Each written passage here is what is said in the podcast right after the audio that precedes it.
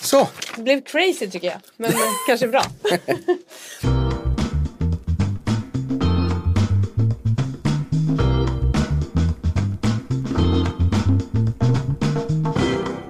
När andra tonåringar i Boden ägnade sig åt flugfiske valde han att koka kaffe åt pensionärerna på Aktiespararna. Sedan dess har han alltid sparat halva sin lön och alltid investerat i aktier. Niklas Andersson var 25 när han tjänade sin första miljon. Idag tjänar han ungefär en om året och han hävdar att det går att placera pengar på börsen utan att göra bort sig.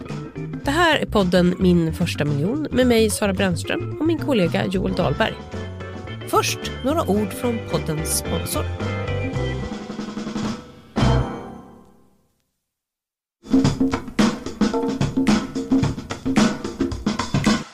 Ja, du är från Boden och du blev i unga år intresserad av aktier och sen började du podda om investeringar och du har fått nått många lyssnare. Men beskriv, vem är du?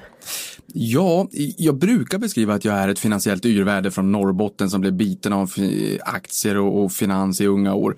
Jag, Niklas Andersson, 32, snart 31 fortfarande, eh, kommer från Norrbotten och har alltid varit intresserad av pengar hela mitt liv och satt spara dem på hög när jag var ung. Sålde jultidningar och sådär och sen började jag ju jobba samtidigt som eh, gymnasietiden. Och då Men varför är det kul med aktier? Ja, men att förstå att man kan låta pengarna jobba för en. Och det där visste inte jag. Jag har alltid sparat pengar. Men när jag jobbade under tiden samtidigt som gymnasiet, då fick ju jag det orangea kuvertet. Och det här var en 2003-2004. Systemet kom 2000-2001. Och jag kommer fortfarande än idag ihåg hur, eh, hur, vilka griller det satt i, skatten på, mig, i skallen på mig. Jag förstod ju inte riktigt vad är det här för någonting.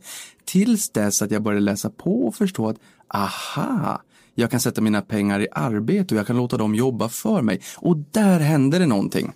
Där vart jag väldigt intresserad av börs och finans och det öppnades en ny värld för mig. Men alltså, jag associerar kanske Boden till flugfiske och snöskotrar.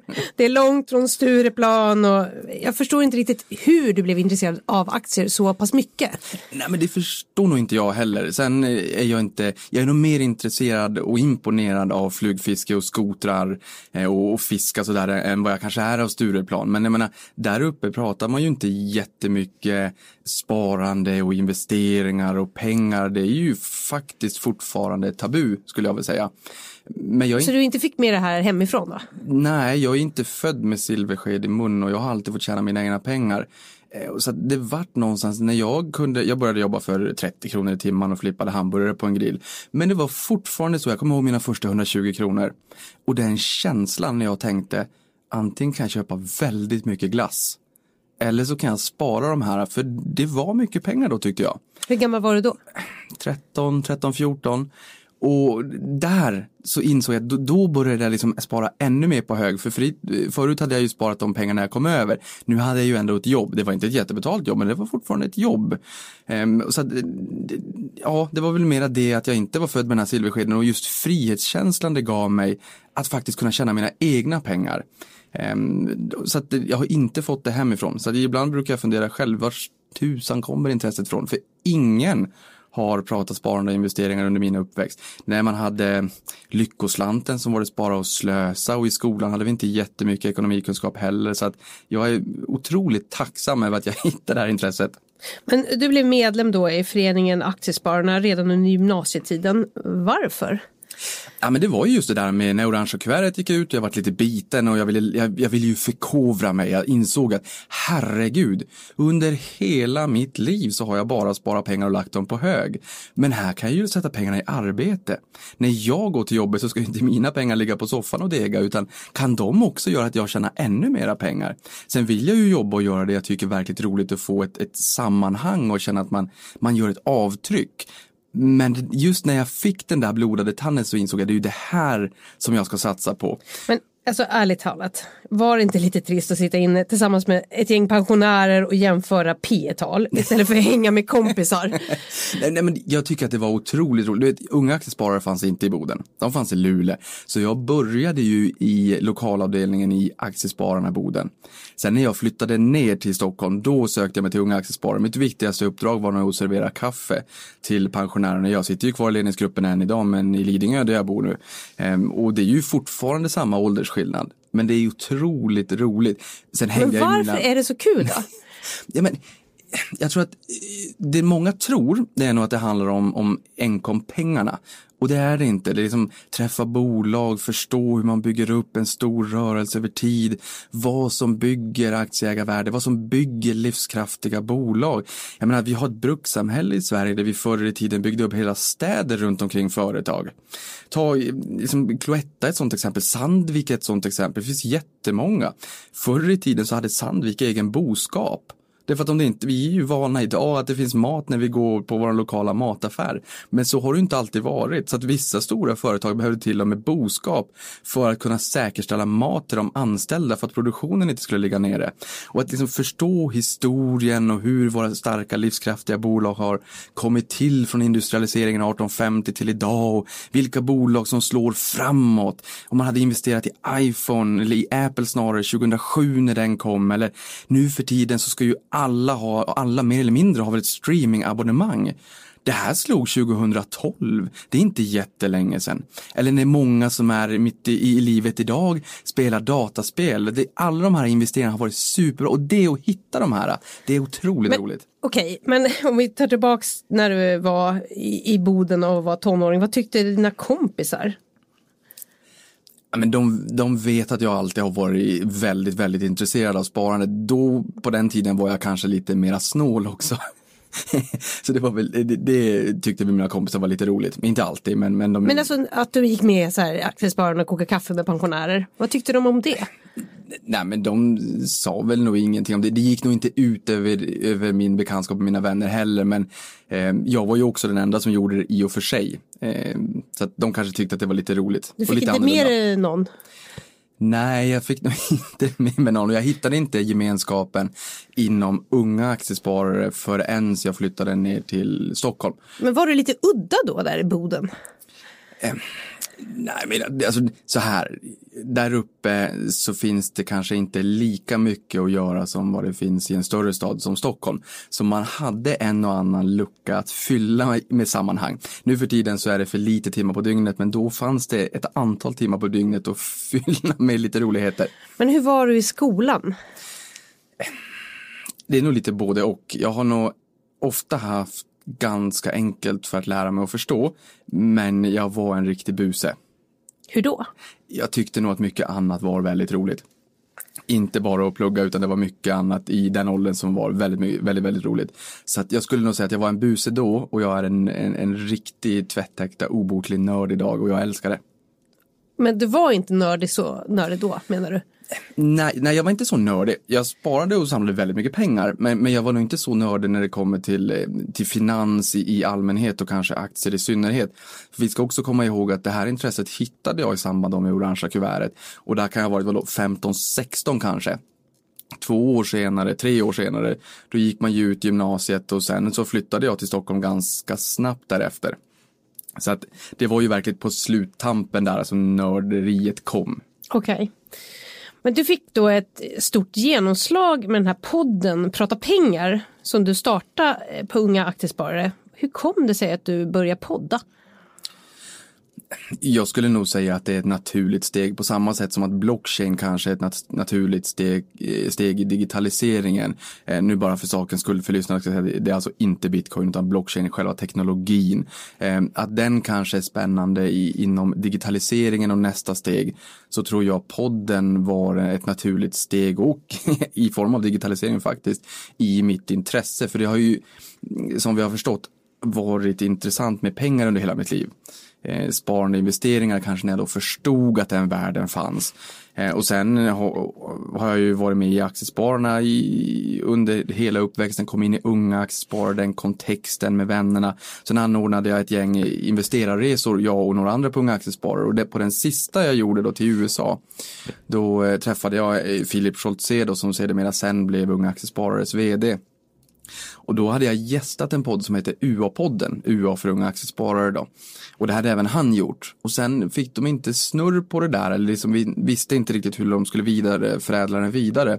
Så då fick jag frågan av Philips om, ska vi inte göra en podd tillsammans? Och ja, sa jag, det är klart att vi ska. För jag har ju alltid hållit på så här. Men jag har ju, all, jag har ju inte alltid haft möjligheten att så som vi gör nu, sitta i en poddstudio och spela in våran diskussion här och kunna kavla ut den i eten så alla andra människor, oavsett om du sitter i Kiruna, Ystad eller Trelleborg, får lyssna på det. Och men, det är häftigt. Varför vill du prata om hur du investerar? Alltså, vill man inte ha sådana knep för sig själv? Nej. nej, nej, men så här, jag, jag, tycker, jag tycker om att prata. Eh, och det är väl kanske lite udda för att vara norrlänning. Jag är lite sävlig också. Man hör ibland vars och hej och här det hit och sådär. Att man, är, att man är från Norrland. Men eh, prata kanske inte våran starka sida och inte prata snabbt heller. Men jag tycker att det här är roligt. Och jag måste få ur med dig. För jag, jag läser jättemycket. Jag lägger säkert en 12 timmar om dagen minst på det här. Eh, och, och det, det, handlar om att förkovra sig och läsa om bolag och trender och man förstår hur världen hänger samman. Men räcker inte det då att du har den kunskapen och har den för sig själv? Nej, för då, man vill få ut den och jag menar Twitter är också en sån kanal där, det, där världen blir tvådimensionell. Jag menar, det hade nog förmodligen inte, som du själv var inne på, man tyckte att jag var lite konstig kanske. Eller det vet jag inte om någon tyckte, men, men det här i Boden, man hade inte jättemånga att prata med, det var jag och pensionärerna. Till en digital miljö där det spelar ingen roll vart i Sverige du bor eller faktiskt vart i världen du bor, för vi har ju fått lära oss engelska. Så att det finns ju en hel community där ute som tycker att det här är så otroligt roligt och att man kan få diskutera sinsemellan varandra. För jag kan faktiskt inte veta allting hela tiden. Och vi inspirerar varandra. Jag vet inte hur mycket robotkirurgi har växt de senaste fem åren. Men om någon säger det till mig så kan man ge sig banne mig på att jag kommer läsa om det imorgon kväll för att det också är lite spännande. Det finns börsnoterade bolag där. Ehm, så att, nej, jag tycker att den här communityn är otroligt roligt att hitta likasinnade. Och även om man skulle säga den här hemligheten, hur tjänar man jättemycket pengar? Det finns ingen hemlighet som passar för alla.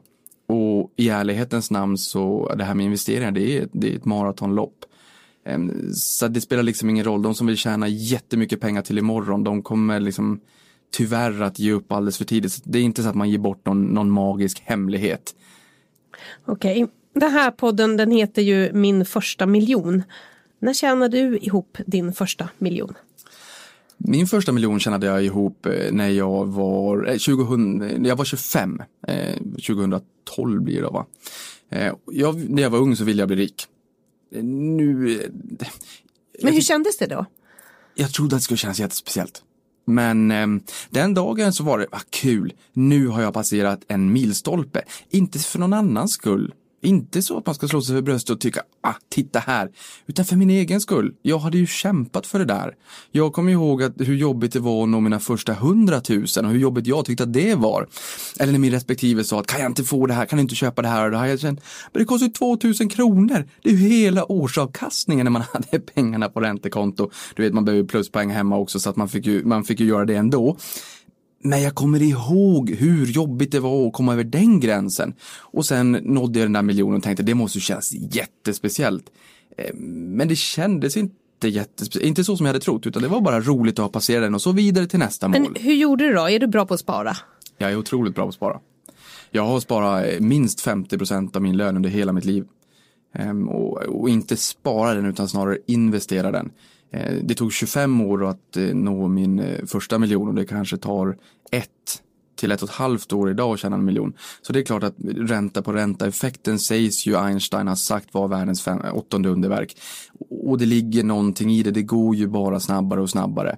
Då ville jag bli rik. Nu vill jag nog kanske, jag är snart 32, ehm, nu vill jag väl leva livet på det sätt jag vill, inte måste och känna jag har en ekonomisk trygghet och ett manöverutrymme att inte behöva gå till jobbet för att jag behöver mat på bordet. Jag flyttade från Boden till Stockholm för att ta mig in i finansbranschen två veckor efter Lehman Brothers kollaps. Perfekt, eh, perfect storm kan man väl egentligen säga, men det gick bra ändå. Så det är ju hela anledningen till varför jag drog mina rötter från Boden och flyttade ner hit, jag och min respektive, för finansbranschen. Så att jag är ju fort, jag är ju där jag vill vara och jag vill jobba så länge hälsan tillåter det. Men någonstans den ekonomiska tryggheten gör att jag har inte ont i magen för pengarnas skull. Och det tycker jag, det tycker jag är värt mycket. Vad betyder pengar då idag? Idag betyder nog pengar mer eh, ekonomisk trygghet eller att inte få ont i magen. Jag vet att jag har en trygghet och, och, och, behöver inte gå runt och vara orolig för att det ska komma en oförutsedd kostnad utan jag ser ju idag pengarna som ett verktyg för att fortsätta investera och leta bolag och vara med på en och flera fantastiska resor framåt. Men däremot ska jag väl säga att jag har alltid sparat minst 50 procent av lönen. Jag återinvesterar alltid i utdelningen och tar inte ut pengar från portföljen. Och någonting som har gjort att jag har hållit det där äh, har mycket med börspsykologi att göra. Eh, vi pratar en del om börspsykologi i branschen idag, men jag tycker att vi pratar om det alldeles för lite. Ehm, bara för att eh, det är som Richard H. Thaler som var nobelpristagare i ekonomi har sagt det här med mental bokföring. Och jag köper det, det är som att vi sätter pensionspengarna sätter vi som en post-it-lapp på ett konto och barnens sparande, jag menar, då tenderar vi att inte röra det. För det hade känts väldigt fel. Men det vi gör det är egentligen att vi sätter namn på konton. Och jag har ju satt av pengarna till portföljen och det är byggstenar för att bygga en ekonomisk trygghet. Men har du pengar eh, som är till dina framtida barn? Jag har ett, jag har ett barn idag. Eh, så där, det, det är faktiskt en lite rolig kuriosa också så att man kanske känner att eh, nörderiet speglar igenom. Hon var kund på, hos min arbetsgivare på nätmäklare då, och i Unga Aktiesparare 15 minuter efter att hon var född. Eh, vissa kan tycka att jag är knäpp. Du fixade det på BB eller? Ja, de visste att det var väldigt viktigt att få personnumret direkt. Så en av barnmorskorna sprang iväg snabbt. Men är pengar på något vis en viktig drivkraft? Ja, på något vis så är det ju det. Men liksom portföljen där, det är kapital och byggstenar. Eh, I min löpande ekonomi, det är pengar, det ska gå till räkningar och det ska gå till kläder och det ska gå till någon resa och sådär. Men, men det är klart att det är en drivkraft. Men, men jag skulle nog vilja säga att pengarna som sådana kommer ändå ganska långt ner Ehm, och, man måste stapla upp och prioritera vad som är viktigast. För att någonstans så tror jag att det handlar om olika platåer. En är väl att du ska komma igång och börja spara och känna att du faktiskt har möjlighet och att du, du kan bibehålla ett sparande och känna dig duktig. Att, men jag har ändå tagit steget att faktiskt börja bygga en portfölj. Det är det största steget skulle jag vilja säga. Ehm, men sen när du kommer till, till den punkten att du känner att nu har jag ändå byggt upp en ekonomisk trygghet. Bara utdelningarna från portföljen skulle kunna göra att jag täcker de basala behoven som tak över huvudet och mat på bordet. Det är en trygghetskänsla så att du har väl lite grann en, en, en avtagande marginalnytta att det absolut trevligaste personligen, det är väl liksom när man har byggt upp tryggheten och får den här trygghetskänslan i magen. Sen är det roligt när pengarna växer, men det tenderar att ta udden av enkom pengar som drivkraft tycker jag. Mm. Men vad inspirerar dig då? Till att fortsätta? Ja, men det är väl någonstans att fortsätta bygga, och se vad det kan bli för någonting. Ehm, det finns ju många i Sverige som har byggt upp eh, familjeföretag eller ja, imperium är ju såklart, det är fel ord i sammanhanget. Men att bygga upp någonting över tid. Vissa tycker att det är otroligt roligt och tillfredsställande att bygga upp ett företag och bit för bit, sakta men säkert bygga upp ett livskraftigt bolag. Jag tycker väl någonstans att det är kul att sakta men säkert bygga upp ett sparande och se vad det faktiskt kan bli. Men eh, någonstans så tänker jag också så här, när man håller på med aktier så går det ju då och då åt, helt åt skogen. Och det måste ha hänt dig också. Vad är den största felinvesteringen du har gjort? Nej, men, alltså, jag tror det behöver inte gå helt åt skogen. Det för det, när jag tittar på hur vi svenskar sparar så blir jag väldigt mörkrädd. Ehm, tyvärr så sparar vi väldigt fel. Det finns enkla grejer vi skulle kunna göra för att... Men jag tänker på dig och vad du har gjort. Du måste ändå ha köpt en aktie som har gått åt pipsvängen. Jag har köpt någon aktie som har gått lite sämre, absolut. Och, och en lärdom är väl kanske att jag har köpt aktier som mina vänner inom Unga Aktiesparare rekommenderade och jag inte visste varför jag köpte den där aktien. Nu var det ju, det var många år sedan och det var inte mycket pengar i förhållande till idag och idag är inte mycket pengar i förhållande till framtiden. Så det, det var i, i kronor och ören inte jättekostsamt. Men, men vad är den största felinvesteringen gjort? Vad har, det, vad har det kostat? Det är inte, ja, några tiotusentals kronor, In, inga stora pengar.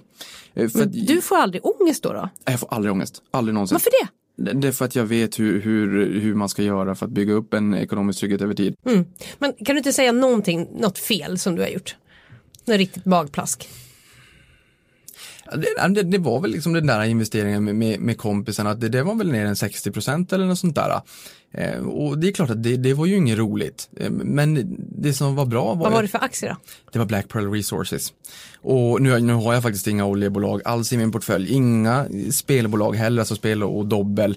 Eh, och, och, inte heller tobak. Och jag har väl ingen utarbetad strategi, men det har bara inte blivit. Det, du har inte en så här etisk kod för?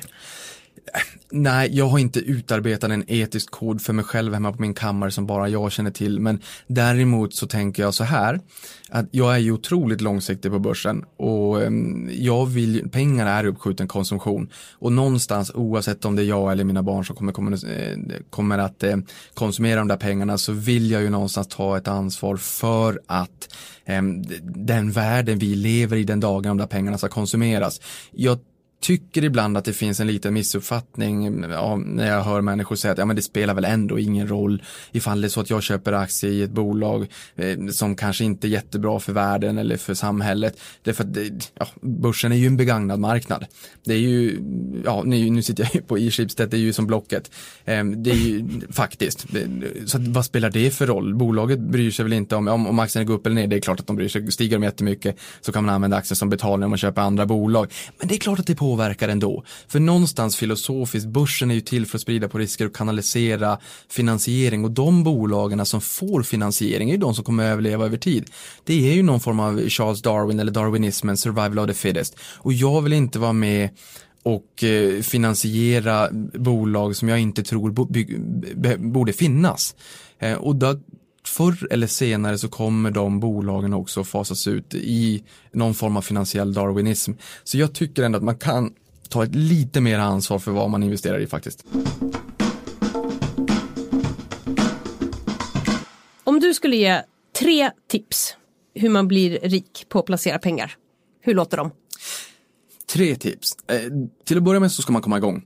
Eh, och det är, förmodligen så är det det jobbigaste steget för de allra flesta, för man behöver pengar och man behöver kunskap tror man. Nej, kom igång. Det, idag, barriärerna är helt nedrivna när det kommer till att komma igång. På vissa aktörer finns det knappt, det finns inte ens ett courtage, utan det är så här, en aktie kan kosta 20 spänn, köp en aktie, lär dig hur du reagerar och kanske agerar när det går ner lite grann. Lär dig vad som händer i magen. För det kommer att bli lite annorlunda, det kommer att vara spännande, du kommer in och kolla, det kommer göra ont i magen när det går ner, det kommer att vara kul när det går upp på att bara börja och sen våga vara långsiktig. Ehm, jag tror att alldeles för många ehm, tycker att det här med börsen, det var ingenting för mig, det gick ju ner och så får man ont i magen. Våga vara långsiktig och där har även media ett ansvar. Man kan inte måla upp nattsvarta löpsedlar när börsen går ner, för det påverkar människor. Människor får, får ont i magen och jag tror att den absolut största risken långsiktigt, det är att man lämnar börsen inte att det ska komma en kris, utan att man lämnar börsen. Sen skulle jag också vilja säga att eh, eh förutom de två tipsen eh, också eh, sprida på riskerna. Eh, jag kan ha, ge dig 15 eller 20 tips, men om jag måste begränsa mig så tar jag dem. Och varför jag tar det sista tipset att, eh, att sprida på riskerna, det är just för att jag ser att vi gör precis tvärtom i riket i stort. Vet du att vi är världsmästare i Sverige på att köpa dyrt och sälja billigt. Och vi ökar vårt sparande när börsen har gått upp ganska länge. Och vi minskar vårt sparande när börsen har gått ner ganska länge. Precis tvärsom. Sen är det inte lika logiskt om börsen går ner som att det är rea på NK. För då ser jag, de där jeansen jag alltid ville ha, nu är det 50 procent, de ska jag köpa. Men börsen, ja börsen kan falla och P-talen kan ju, då tycker man P-talen, oj vad det har gått ner. Och sen så inser man att ja, men vinsterna följer också så att P talet gick ju inte alls ner, gick ju snarare upp. Det är inte lika enkelt, men vi lämnar ofta börsen när det har gått ner. Men hur ser du på risk? Jag ser risk som en möjlighet. Jag ser risk... Men är du riskbenägen? Nej, jag skulle, om jag säger så här. Det finns en bit över tusen aktier i Sverige. Eh, det är ganska många hundra av dem som inte tjänar några pengar. Och när jag säger inte tjäna pengar, de har förmodligen en försäljning, men de har kostnader som överstiger det där, så att de går inte med vinst på sista raden helt enkelt. Eh, jag skulle nog inte våga köpa den typen av bolag riktigt, eller förhoppningsbolag, inte alls, inte för fem öre. För jag vill sova gott om natten om, om en aktie går ner, då vill jag vara 110% konfident, att jag vet varför jag köpt den här aktien och jag kan köpa mer och då sover jag gott om natten. Så det, då spelar det mig absolut ingen roll om det skulle falla, för då kan jag ju bara köpa mer och komma in till en bättre kurs. Men om det är så att jag inte riktigt vet varför jag äger aktien, om de inte har börjat tjäna pengar och de har gett alla de här fagra löften att de ska tjäna mycket pengar och sen börjar den bilden krackelera lite grann och de levererar inte och så här, då skulle jag få riktigt ont i magen. Så att det jag... låter som du pratar om Fingerprint den gick upp 267 gånger pengarna från, eh, ja, vad, säg 2012 till 7 mars 2015. Och det är klart att det där är också någonting som när någonting går upp så där mycket så är det otroligt många sparare som tittar, den här aktien går bara upp, upp, upp, jag måste också vara med. Och det var väldigt många sparare som kom in på den sista euforiska toppen och sen följde rakt ner i källaren och det där gör mig lite ledsen. Det där är också en, en, en eh, kanske har varit lite grann en fallande kniv för då måste man ju inse vad var det som gjorde att man fick en stor uppgång? Ja, det är klart att saker och ting började gå bättre, men det var också väldigt, väldigt fagra löften om eh, jättestora ökade försäljningsprognoser och skyhöga marginaler och har ett bolag skyhöga marginaler, det är som be om konkurrens. Så där ska man nog kanske tänka steget extra och som jag har sagt, man ska inte bara ha en aktie för många hade bara Fingerprint. Men vad, hur är ditt fokus nu då? Ja, men det är som det alltid varit. Jag försöker hitta de bolag jag tycker är otroligt spännande att äga. Jag äger dem långsiktigt, eh, fortsätter att investera löpande hela tiden. Och just så här, går eh, aktierna ner? Eh, går de ner, eh, går börsen ner, då är det inga konstigheter. Men säg att börsen skulle gå upp 10 eller 15 procent ett år och så går mitt bolag ner 25 eller 30 procent. Eh, då kanske jag skulle fundera på att eh, vad är det som gör att det har gått ner? Eh, är det så att det finns någon specifik oro kring aktien som jag inte kanske riktigt håller med om, ja men då spelar det ingen roll. Men det kanske är så att bolaget har fått operationella utmaningar. Och då kan man ju ana att det kanske kommer ta längre tid att eh, lösa det här än vad man tror. H&M är ett perfekt exempel. Jag menar, det är klart att de kommer förmodligen kunna vända den där skutan, men H&M är ett stort hangarfartyg. De säger att online skulle kunna vara 75 miljarder av försäljningen 2022 tror jag att de sa och eh, nu var det 200 miljarder i fjol. Det är en rätt stor del av totalen ändå. Det är bättre lönsamhet har vi förstått.